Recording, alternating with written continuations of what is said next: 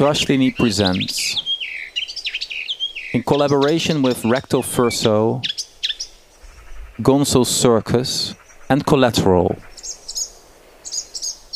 Radical Murmur, a sonic exploration in three parts.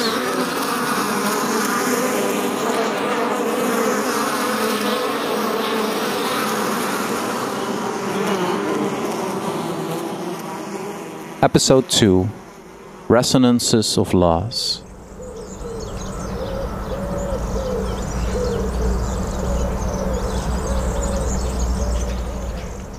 We live in a media era that is dominated by image and language, yet sound often seems less important. Trashlini dives into the possibilities of the sonic dimension through conversations with makers and thinkers who takes sound as a starting point. The world around us is a music composition, a composition that is in motion, that never repeats itself literally, that is reiterating in a staggering manner. So it's an infinitely iterating music piece on which we can have an opinion, for which we can take care but one which we will never be able to control completely. Today sounds different from yesterday. Yesterday sounds different from last week, last year, half a century ago. The organic composition that is surrounding us includes all kinds of sounds that were not there in the past, while there are probably even more sounds that have disappeared. Yet you do need to listen In this second episode, Resonances of Loss, we do just that. Together with artists and thinkers, we listen to the changing world. We strain our ears for the minute offsets in that gigantic composition. What has become louder, and which sounds, noises, voices are being outflanked or have disappeared. How do we register sonically that biodiversity is declining or that the climate is changing? What does a conflict zone, a natural disaster, or a protracted ecological, social, or medical calamity sound like? Was the corona pandemic audible? After lockdowns affected our listening? With all these questions, we jump on the train to Amsterdam. Mm-hmm.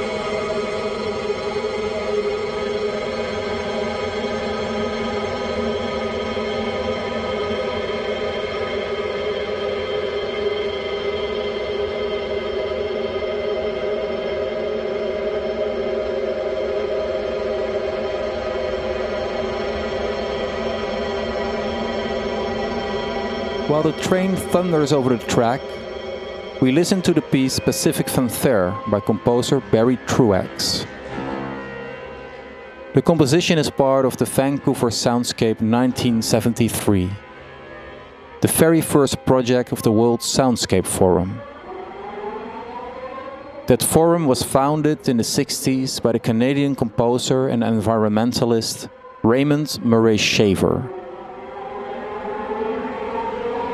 Schafer is the founder of Acoustic Ecology.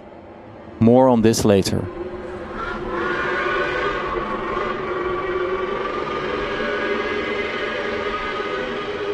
In the Flevo Park in Amsterdam, we meet composer and musician Evelien van den Broek. Her recent album, Endlings, is about the loss of biodiversity due to climate change. She is inspired by the work of soundscape ecologist Bernie Krause, who further developed Schafer's ideas. In the Flevopark in Amsterdam, we meet Van den Broek. Ik ben Evelien van den Broek. Ik ben een componist. My name is eh, Evelien van den Broek. producer, I am a composer, performer, producer, and sound artist. Generally, I maar create electronic music, yet also electroacoustic Eh, music. En eigenlijk werk ik op verschillende vlakken. Dus ik maak ook muziek voor live uitvoeringen. I operate in different fields. Daarnaast ook I compose music for performing arts, for modern dance, sound installations, and sound walks. Het album Endlings is eigenlijk ontstaan vanuit de, live voorstelling. The record Biophonica. Endlings originates from my live performance Biophonica that premiered a while ago. Which is a music show Eh, about extinction that involves field recordings of extinct species or species that are threatened with extinction. Furthermore, it involves trumpet, En electronics, and had het idee text. om daar ook een album van te maken. I was already playing with the idea to turn this performance into a record for a while. Ja, toen is het Due to the corona crisis and all the cancelled gigs, op de album I was suddenly able to focus my attention on the album version of the show, which is called thema Endlings. Wat me al lang Surely, it was a En, theme that was keeping me busy for quite a while, and that was really worrying me. At a certain point, I started to wonder what I, as a composer and sound artist, could do with this. I had been working with field recordings for a while, but especially in the context of sound walks. It seemed interesting to me how I could integrate them in a show, thus the combination of music and field recordings. When I started to conduct further research, I stumbled upon the work of Bernie Krause. A soundscape ecologist. For about 50 years, he has been making recordings in nature and he keeps returning to the same locations, which enables you to hear very clear how a place changes over time. In general, nature areas become quieter and less diverse. It struck me that this is a great example of the strength of sound. Through sound, you can experience what the state of nature is. So then, in this case, the disappearance of sound. Yes, indeed. The increasing quietness and the decline of diversity. I thought this was so powerful and telling that I wanted to integrate this in a music show. So I used recordings that Krause made in a rainforest before and after tree felling, and it is just shocking to hear the difference.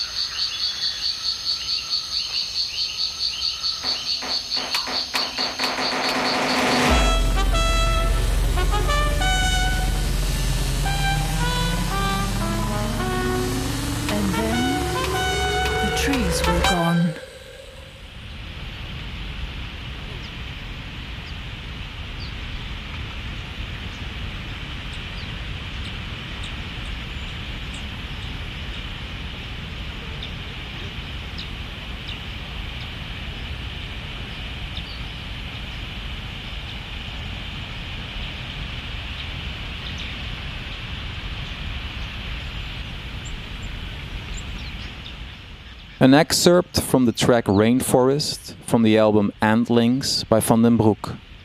in which he uses recordings by soundscape ecologist Bernie Krause before and after tree felling in the rainforest.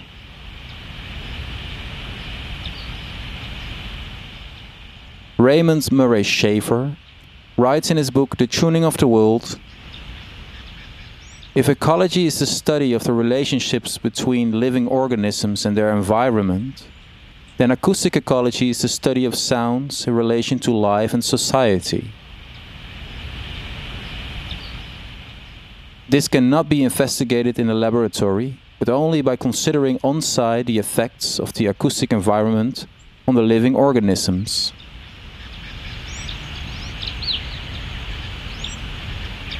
The best way to understand acoustic ecology is to perceive the world as an immense music composition that is ceaselessly unfolding around us. We are at the same time her audience, her performers, and her composers. Which sounds do we want to protect, encourage, multiply, or erase? Soundscape ecologist Bernie Krause continued Schafer's work and divided the soundscape of the world into three categories.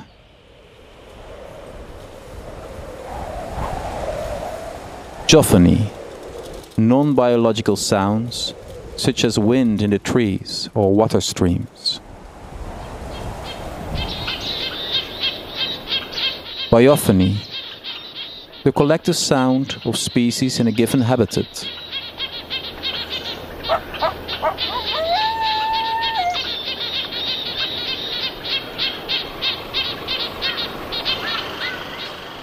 And the third is the anthrophony, sound that comes from humanity, like this shopping mall in Budapest. Krause divides the anthrophony into two categories technophony, the electromagnetic noise that machines produce. Here we hear, for example, the intense car noise of the ring around Antwerp. The other category is the controlled sound that humanity produces, such as music, language, and theater. We ask Van den Broek how she selected the field recordings that she used in her compositions. Ja, ik heb het eigenlijk. The used recordings come from online sample collections from, of course, Bernie Krause, and the recordings of the white rhinoceros I received from a scientist who worked with these animals. So it's a collection of different things. And I constructed endlings in such a way that the rainforest from Krause is the opening, involving a kind of total ecosystem. The other animals that are on endlings were selected based on their size, from extremely large to extremely small. So the blue whale, the last northern white rhinoceros, and the bees. Bees are, of course, very small animals that are not extinct, but threatened with extinction. So animals from large to small, and living in sea, on land, and in the air. And the last part is the Kawaii bird, a recording that I obtained from the Cornell lab, where they have an archive. So that is a recording of that bird. There's a video story on YouTube about a male kawaii that is singing. This singing ritual is supposed to be answered, but he is singing and there isn't coming any answer. The bird in the video is the very last kawaii bird.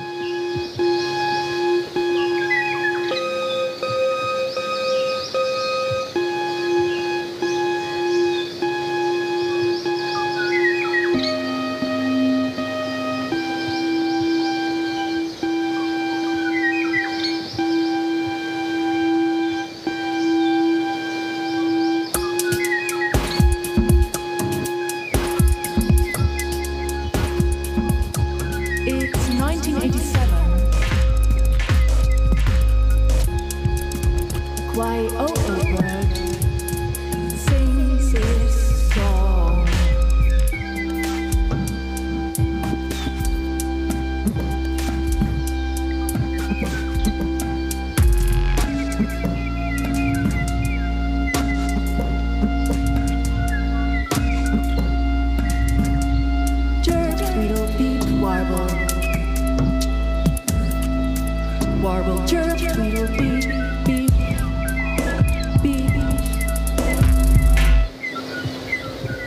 Bird that plays the leading role in this composition by Van den Broek is the Hawaiian songbird Kawaiʻao, which was last spotted in the 80s and has since been added to the list of extinct species. The cause of the extinction is attributed to the destructive influence of humans on the bird's habitat. While listening to the music of Van den Broek, we reflect on the loss of this Kawaiʻao, a bird that we have never known and will never know. How many more unknown extinct species are there? And how many more will there be? We ask Van den Broek how mourning for extinct species relates for her to a more activist attitude, a desire to preserve and protect the species that are still there today. Wat ik dan met mijn muziek en geluidskunst. What I am trying to do with my music and sound art is to create more connection. Since we, city people, have been tremendously removed from nature. Het staat zo ver van ons af. Um, It's so far away from us. Through listening to these nature sounds, you really get into touch with these places. Met, met die plaatsen en, eh, en met het feit dat het ook steeds stiller wordt. En, and with the eh, fact that they become quieter and less diverse. Wel degelijk dat je door middel van geluidskunst eh, en dus die soundscape. So I really think that you can create awareness through sound art and soundscape er ecology. And that you can stimulate an engagement with these topics. Um, en omdat ik het dan in een muziekvoorstelling heb uh, gedaan. And because I approach it in the form of a music show, I also add an emotional layer. Uh, dus Maybe even anger about everything that is disappearing. Wat er over wat er verdwijnt of, of die rouw en dat verlies. And about the loss uh, and mourning. In de, that is really something that on top of it all I have put in the uh, music. er, er is één solist, dus een trompet die There is one soloist. Dat, voor mij staat that is the trumpet. Als, een, een, laatste uh, wezen. For me that also resembles the last creature of its kind. En een, een, een extra bijgedachte voor mij was ook dat de trompet wordt vaak gebruikt als, als een soort rouw An additional thought was about the trumpet regularly being used in the context of mourning and loss. Een soort dodenherdenking, zeg maar. A kind of remembrance of the dead.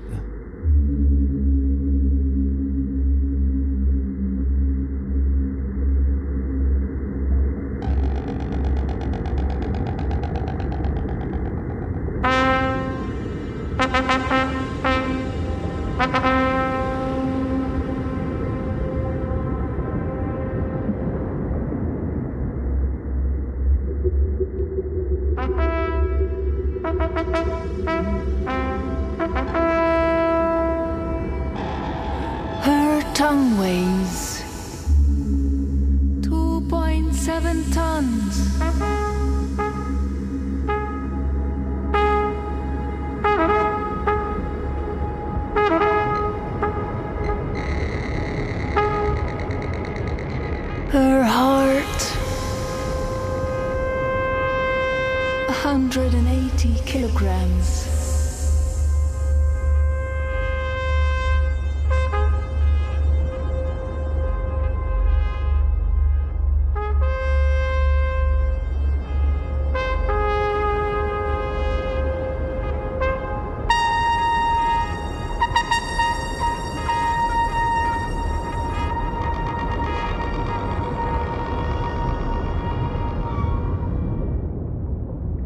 With its weight of 200 tons, about 33 elephants, the blue whale is the largest animal on Earth.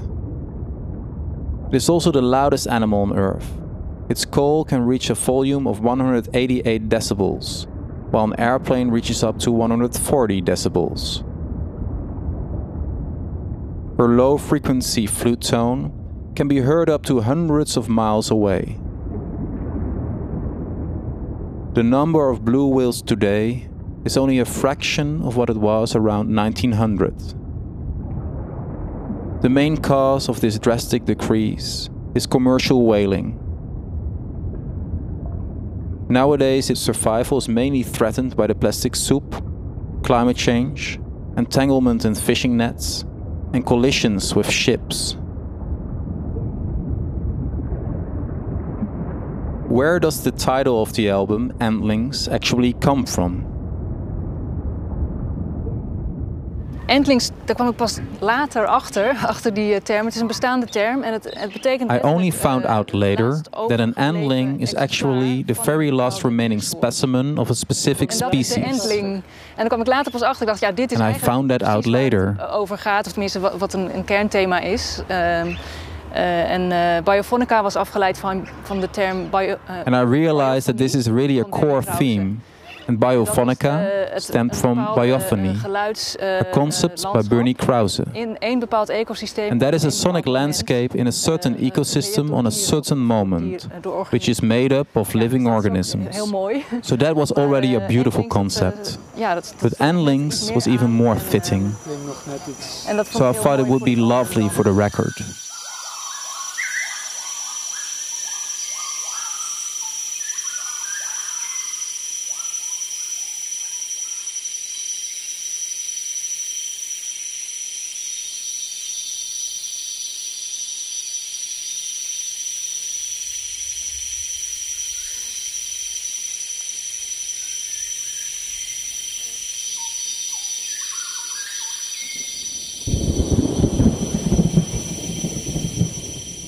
We listened to a recording of Bernie Krause made in Borneo. In his practice, Krause has built a special bridge between sound art and biology. What is his background? Nou, het is heel grappig. Hij begon eigenlijk, voor zover ik weet, als eh, componist. In Eh, fact, en- it is very funny, since as far as I know, he started as a composer, was Eh, playing in dat kwam veel several rock bands, maar hij is and composed scores for Hollywood films. eh. So he has a musical background, but started quite soon to record in nature. Eh, This fascinated him so much that he focused on it entirely and has built up an enormous archive of soundscapes. Ja, hij is meerdere keren op dezelfde plekken terug. Because he returned to locations several times, eh, his eh, work captures a beautiful, or better put, veranderd en dat is sad time frame. Of how the sonic landscape has changed and, of course, the ecosystem itself. Great Animal Orchestra. He also has written a book En dat gaat called The Great Animal Orchestra. A very interesting book about his een heel andere experiences and how sound has enabled him to get into a stronger connection with nature. Eh, hebben gegeven. Omdat het een soort van hyperrealistisch wordt als je... It becomes net sort iets of luider naar hyper-realistic de natuuropname if you listen to luistert, dan nature with just a little bit more heel volume intens. than you normally do. En, ehm, It becomes very ook vertelde, intense. ehm, dat vond, vond ik ook mooi. And what he Het is also een soort writes in the orkest, book, Het geluidslandschap van it really dieren. is a kind Je of hebt verschillende orchestra. diersoorten die allemaal the in een sonic ander, landscape eh, of animals. You have all kinds of species eh, that are all sounding in different frequency spectrums, so they can be audible for one another. If they all would be making sound inside Eh, one little frequency band, it would become eh, indistinguishable. So it is very much eh, organized in that manner. The way the sonic landscape has been built up with all these animals. Ja, bij mij de poortstation, eh, als je weet waar het is. Wel een leuk smal paadje daar, kunnen we langs gaan. Dan komen we ook bij... We walk out of the Flevo Park. On the return journey, we listen to a composition that Van den Broek made with the radical buzzing of bees threatened with extinction.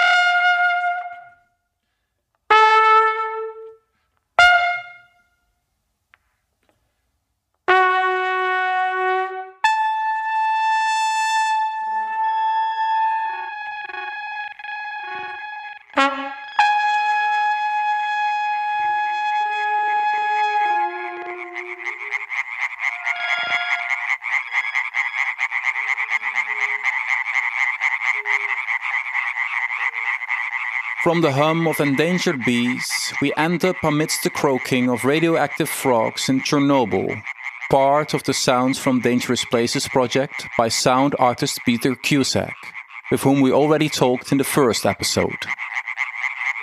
In this project, he investigates the sound of places affected by ecological catastrophes. Cusack is the originator of the term sonic journalism. What does that mean exactly? The idea of sonic journalism is that by listening to sounds or recordings of the environments, you get a lot of information about the places that you hear. Um, you know, we just walked a short distance in Berlin, and each place is son- sonically different, and that's giving us information about where we are all the time.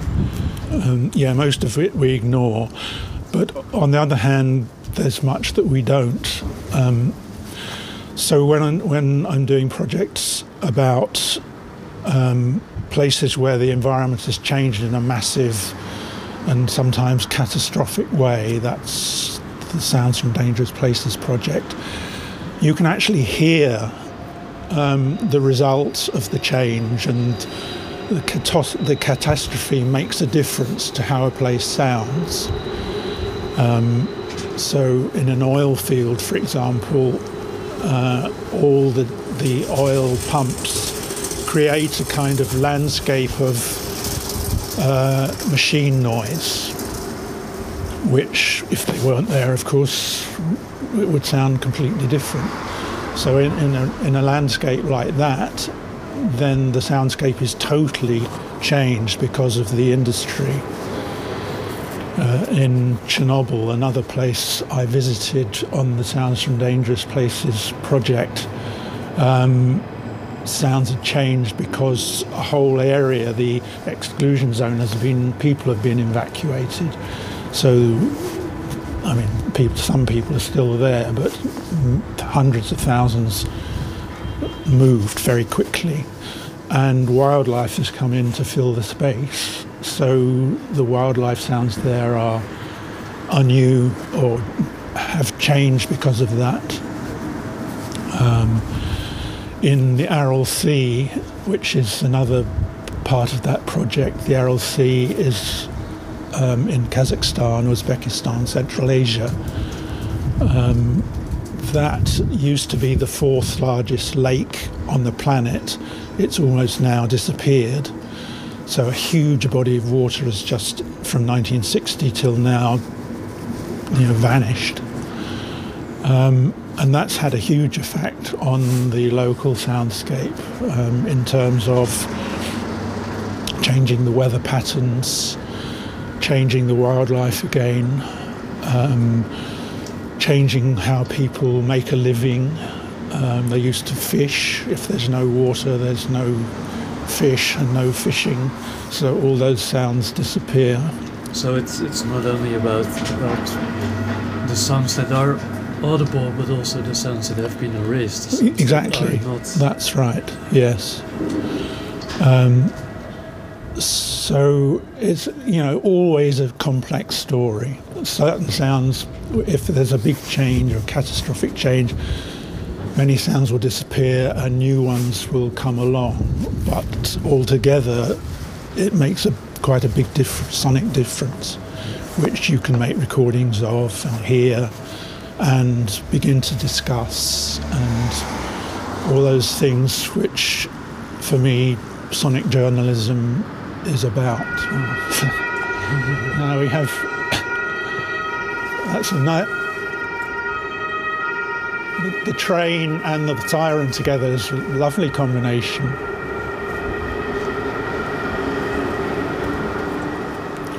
It was a term I originally thought of t- to describe what I do, but having thought of it, it obviously applies to what many other people do as well. So it's it's not specific to me, no.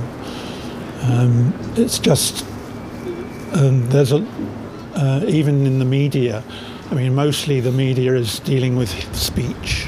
So journalism is usually to do with speech, language, text.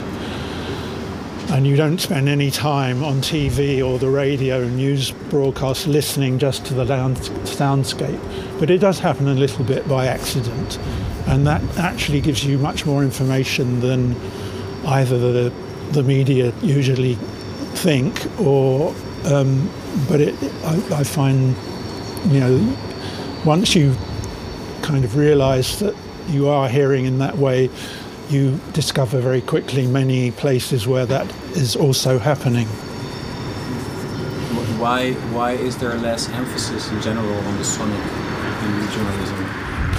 Well, I mean, our main communication as humans is through uh, through speech, and I think you can say things quite quickly, uh, give quite a lot of information in language rather quickly.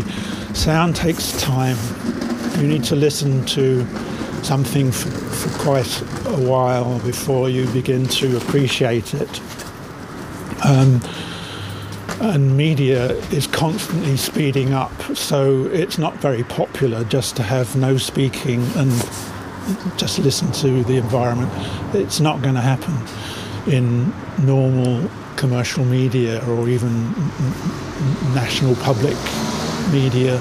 So maybe it also has to do with pace and with um, sonically it's more difficult to to reduce um, into a to a basic storyline that becomes very no that's right. That, that's right. And the uh, sound is has so far resisted very fortunately in my opinion the attempts to condense and to, to make into sound bites. Uh, a very short piece of sound is doesn't work. Doesn't say anything that's right. as yeah, a, as a that's right. that's right so sonic journalism is also slow journalism? It is slow journalism. And my interest in it is, I guess, less aimed at the media. I don't expect to get on TV. But I, I do think that we as people living in a space, because we hear 24 hours a day for the whole of our lives, we are constantly sonic journalists ourselves and I would like it. I would like us to be much more aware of that fact or it to be discussed much more than it currently is and the consequence of that is not on the media but more on our living space and um, how things are designed in the home or at work those those are the areas where I think an, uh, um, an attention to sound and sonic journalism could make a much more positive difference to us than currently happens.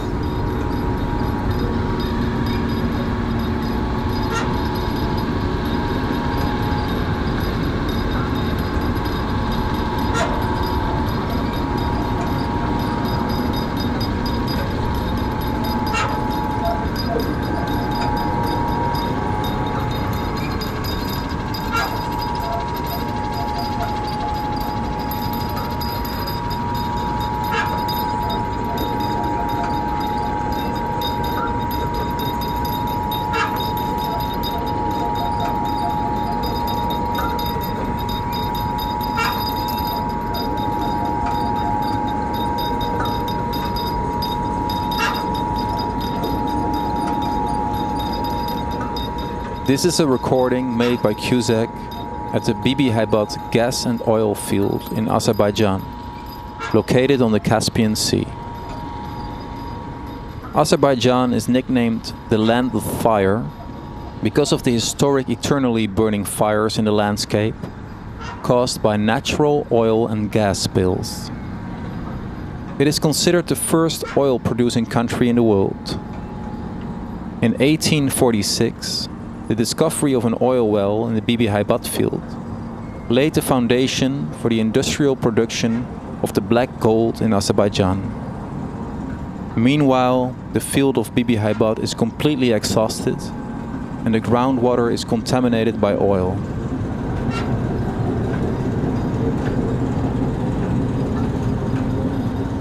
The Caspian Sea and its surroundings suffer greatly from the massive exploitation of oil by all five surrounding countries Azerbaijan, Iran, Kazakhstan, Russia, and Turkmenistan. The plan of the five countries to also exploit the remaining 44 billion oil barrels makes the chance of an even greater ecological catastrophe considerable. Just like the radioactive frogs from Chernobyl, which we listened to earlier, this recording of Cusack sounds beautiful. How do disaster and beauty relate to each other? There's no relationship between beauty and disaster. Hmm. Well, there is a relationship, but it's not necessarily the one you think. Beautiful spaces are often really dangerous places, and ugly spaces can actually be very safe. So, the relationship between what you find beautiful and whether it's dangerous or safe is again very complex. It's, there's no one to one. But I do find it interesting that, for example, oil fields, they are often sonically and visually stunningly beautiful, but they are fantastically dangerous places. There's huge pollution, and as we now know, the whole oil industry has basically been destroying the the weather patterns of this planet for the last hundred years, and we're all beginning to suffer more and more from that. So, also in a global sense, it's dangerous, as well as in a local sense with the pollution. Um, yet they can be very beautiful.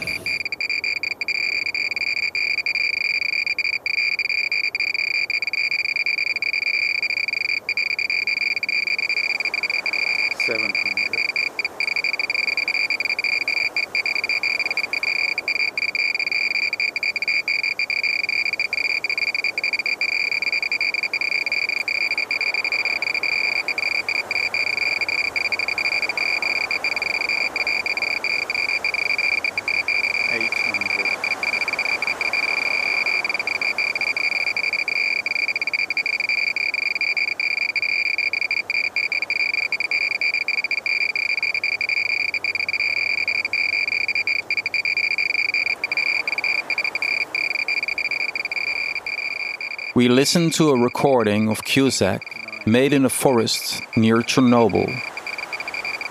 In the recording, we hear how Cusack walks around with a rattling radiation meter. Seven hundred, eight hundred. A sonic impression of exposure to radioactive radiation.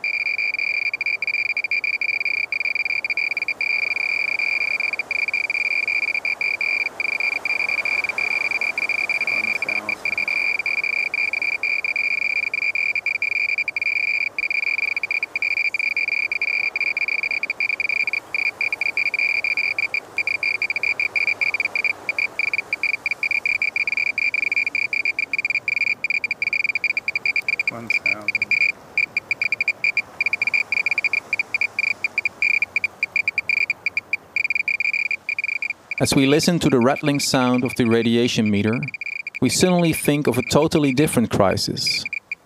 How did Cusack, with his highly developed sonic sensitivity, actually experience the corona pandemic?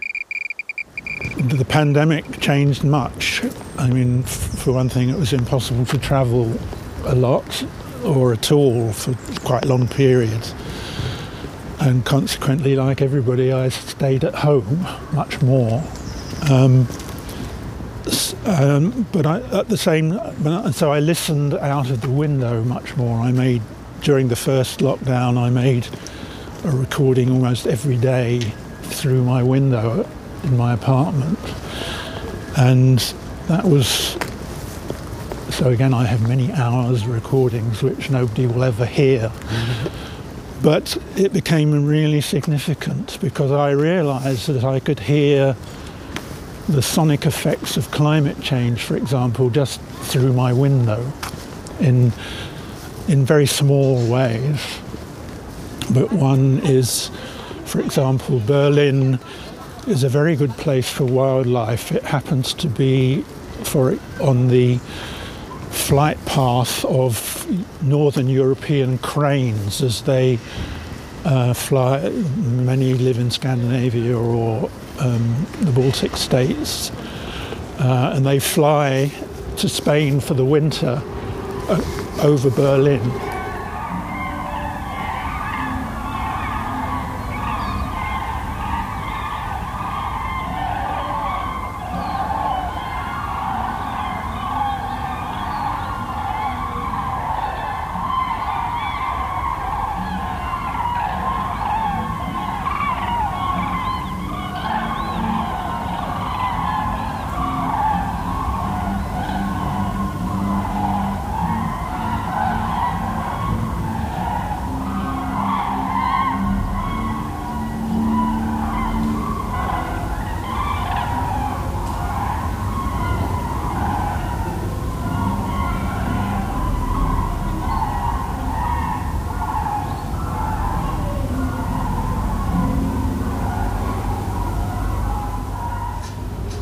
So, in the springtime or in the autumn, when the migration happens, you hear flocks of cranes flying high over Berlin, and they they they call to each other when they're flying. A very beautiful sound.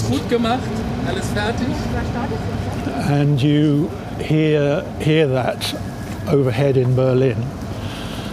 Well, now you can hear that sound all through the winter. On Chris, I have recordings this year from that on the day after Christmas, for example, Of cranes.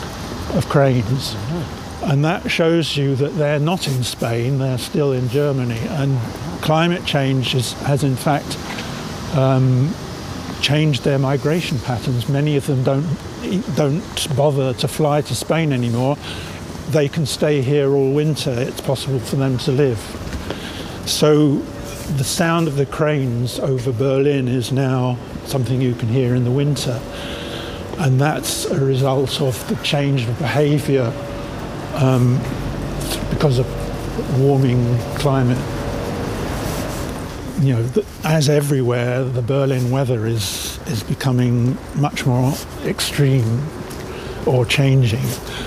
Uh, for one thing, the, war- the winters are much warmer, but also the changes in temperature can be much more dramatic and sudden.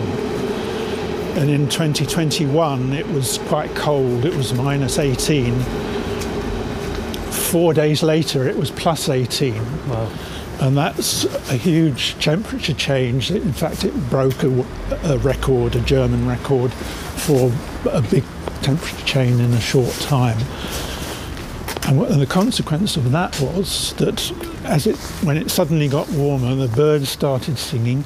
Even the humans in my apartment block, one woman opened the window, let the warm air in, and started singing.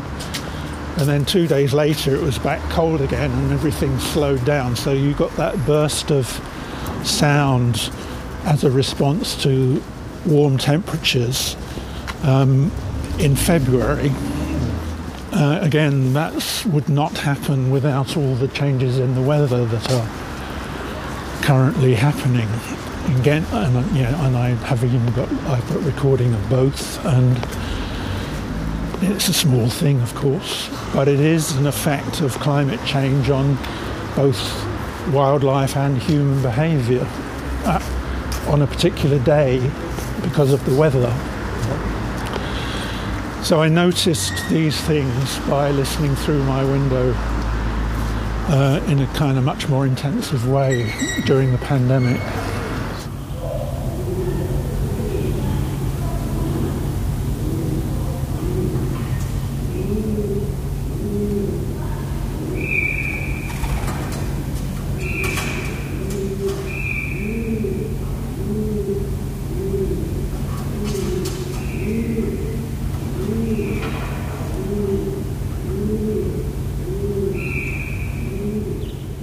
While listening to the sound environment from his window during the corona pandemic, Cusack realized that the world is one big dangerous place, in which a pandemic, ecological catastrophes due to climate change, and now also a nearby war can all take place simultaneously. We also ask thinker and sound artist Salome Voegelin about the pandemic. Has COVID affected our listening? I think very much. While we started to meeting each other online a lot, and you know, starting to have Skype with my mom who lives on her own and becoming very, you know, almost daily, or with my sisters and so on, trying to be, and of course, professionally everything was through this little machine. I wasn't hearing people anymore in rooms discussing things with me, being with me. And even though I also discussed sound things online, something happened that my writing changed. I couldn't really write, or I couldn't write about things outside of this locked down house and this locked down body in this locked down house. And I think it's because what we talked about earlier, the reciprocity of a sonic exchange, where it has to go sort of through a joint air, didn't happen.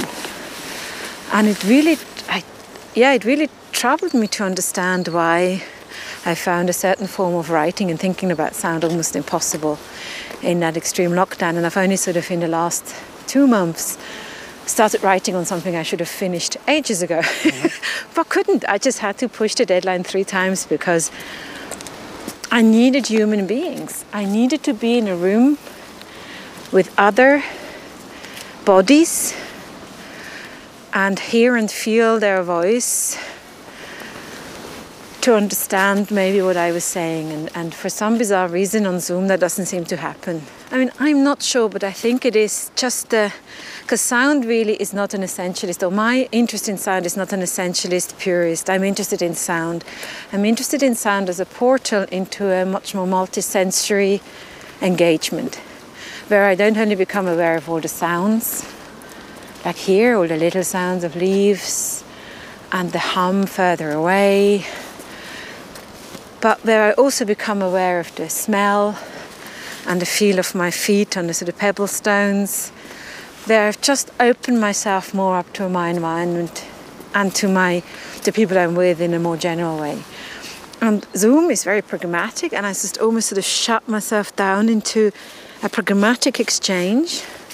And while I've heard very many interesting things on Zoom in this time or on any on various online platforms, I didn't feel bodies in the room with me, and that, in hindsight, seemed to have been what had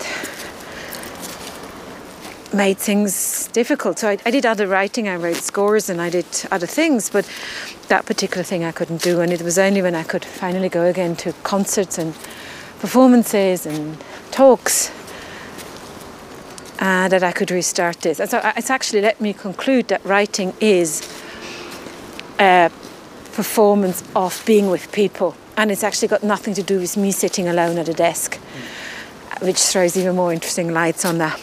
Yeah, which made me think even more about the absurdity of famous philosophers shutting themselves off in huts in various places right. to find their inner genius when I think there is no inner genius, there's only an outer connection.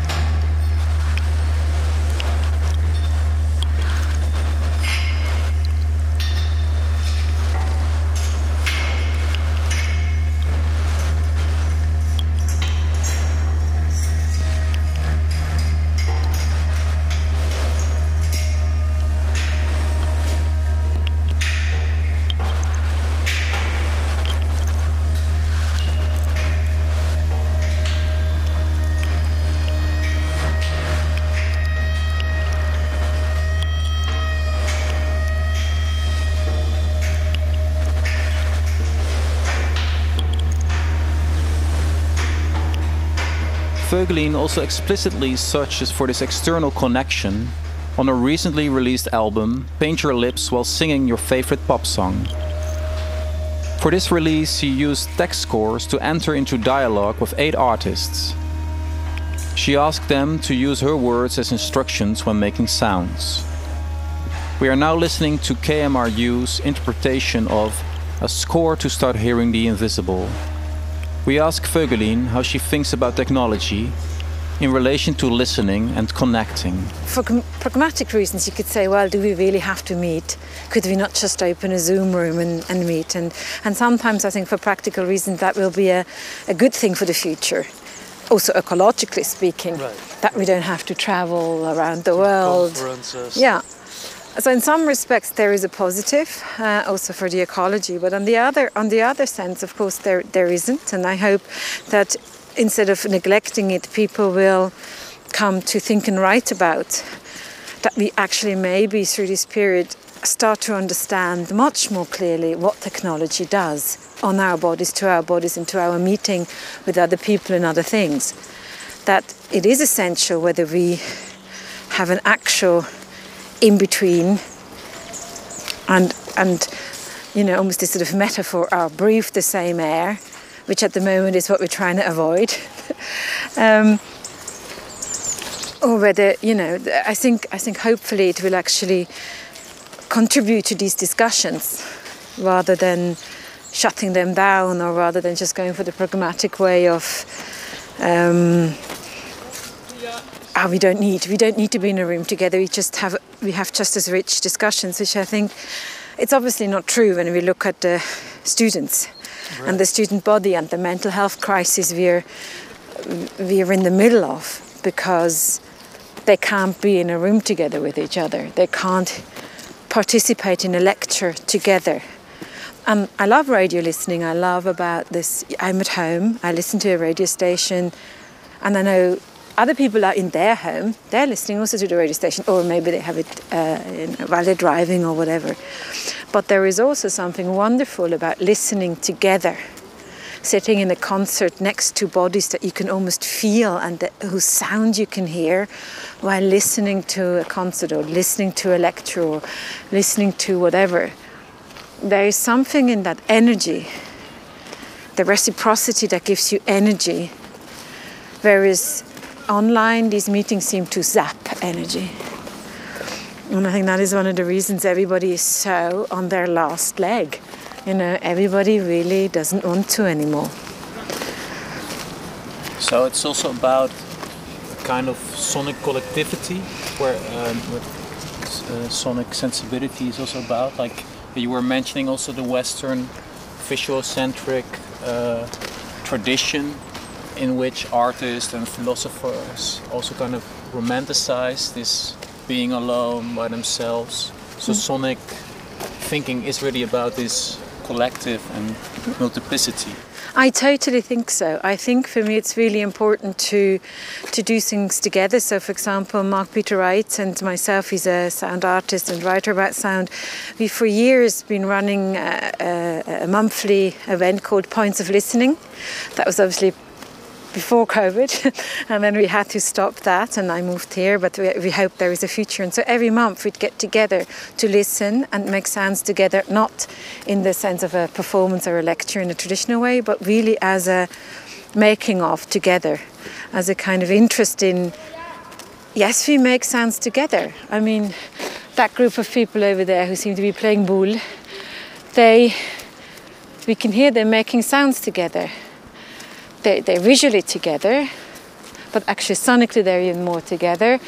And that's what connects them because that's where they really touch. And I think it's been really hard on everybody's mental health not to have that. It certainly has been for me. I, I do feel. Um, whereas I'm careful to want to wish us just back to the norm the norm which gave us this COVID because of our behavior and our economy and our how we deal with animals and food and so on and so on.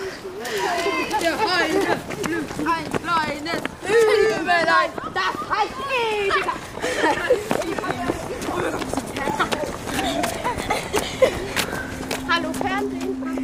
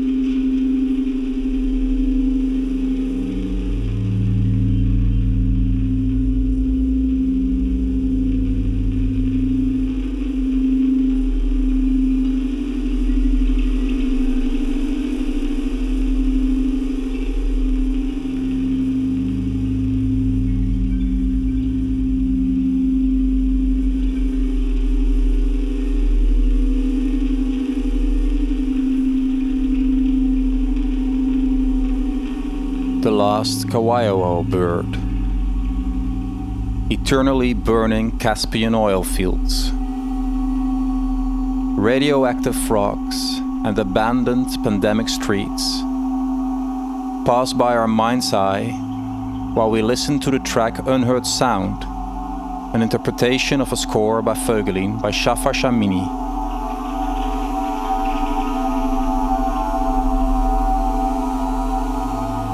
Could it be that, with more acoustic ecology, sonic journalism, and sonic sensibility, we would be better able to deal with all these different forms of loss? or even be able to prevent the catastrophes in the first place.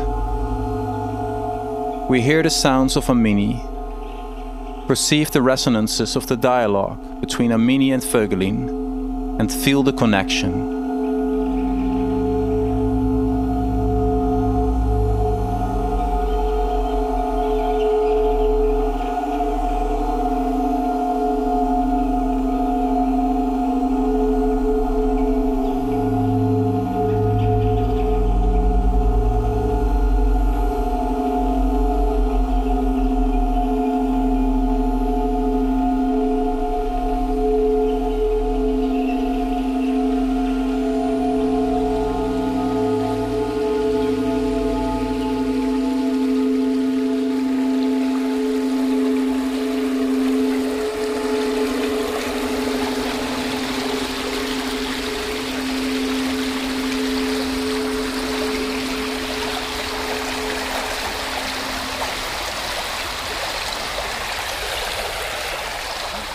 With this geophony, we have come to the end of this second episode of Radical Murmur.